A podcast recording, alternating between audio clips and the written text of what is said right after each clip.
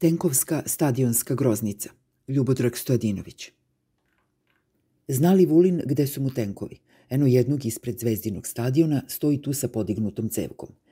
Tenk je simbol Severne armije i Zvezdine mašine, navijačkih grupa za posebne namene. Kupljen je na vojnom otpadu u Leskovcu, nema motor, nije pogodan za guranje. Utešno, dakle, niti može da se kreće, niti da puca, a za sad nema ni na koga. Nema ni obučenu posadu, a i da je ima, nema municiju. I da ima bojeva zrna, ne bi vredilo, cev mu je zalivena. Ima stabilnu težinu, nešto preko 40 tona, ali nema točkove. Takvo je to oruđe. Maketa na gusenicama, kako je stručno objasnio ministar Nebojša Stefanović.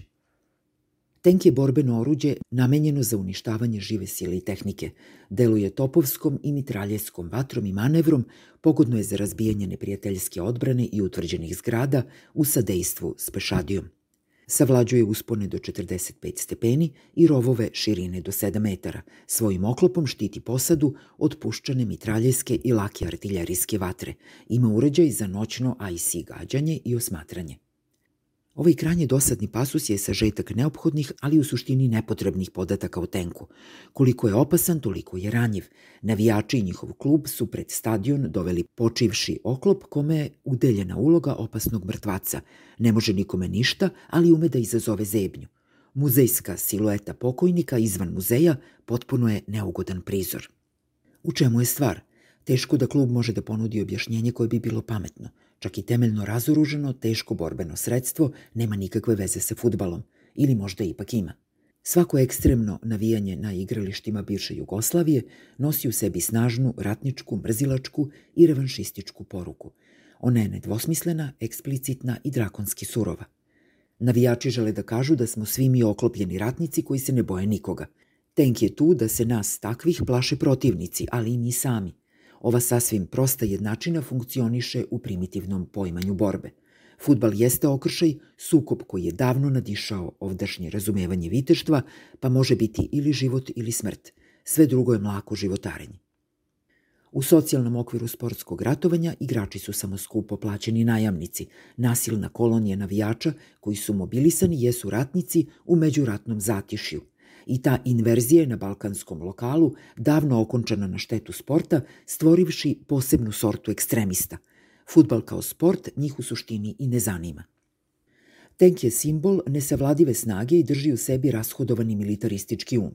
Iz navijačke elite dolaze dilerski magovi i kriminalci bliski režimu koji strogo kontrolišu svaku političku konotaciju navijanja. Tako se od opasne stadionske antirežimske groznice čuva pozicija trećerazrednog huligana trenutno na položaju predsednika Srbije. Duh Vučića lebdi nad Marakanom, kako kaže Zvezdan Terzić. Tenk na Marakani može da izazove neprijatnu epidemiju rashodovane gužđurije u ratničkoj konkurenciji. Vojska je poslednjih godina nabavila mnogo već dovršenog vojnog otpada, pa je kupovna moć navijačkih falangi idealna mogućnost da se vrati bar deo bačenih para. Na primer, BRDM u Humskoj, baterija PA topova na Čajru, oklopni voz u Novom pazaru, četa automatičara iz Muzeja voštanih figura u Jagodini, MiG-29 za jednokratnu upotrebu u Novom Sadu. Neka klubovi sami izaberu svoje preteće muzejske arsenale.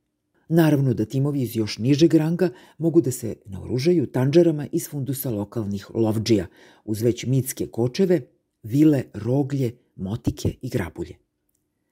Autor ovih redova je nekada voleo da gleda futbal, verujući u poštenu igru i smisao igre.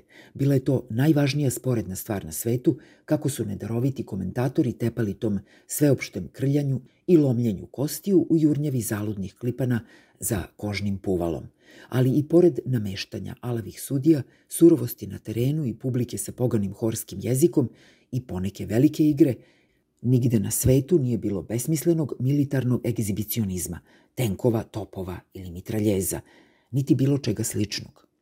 Ovdašnji futbal objektivno na dnu druge evropske lige, nezavisno od ekscesnih mučeničkih podviga, postao je populistička magija, sredstvo za masovni trans sa kratkim dejstvom.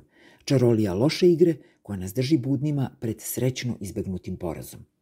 To je taj dugi intermeco, u kome je prikraćeno i oduzeto vreme i mesto za spokojan život i lepe prizore, pa se tako nemoći da se bude iznad proseka na travi ili na bilo kom polju ili u svom jedinom zagađenom svetu, realizuje kao nadrealna slika svemoći mrtvog oklopnog vozila.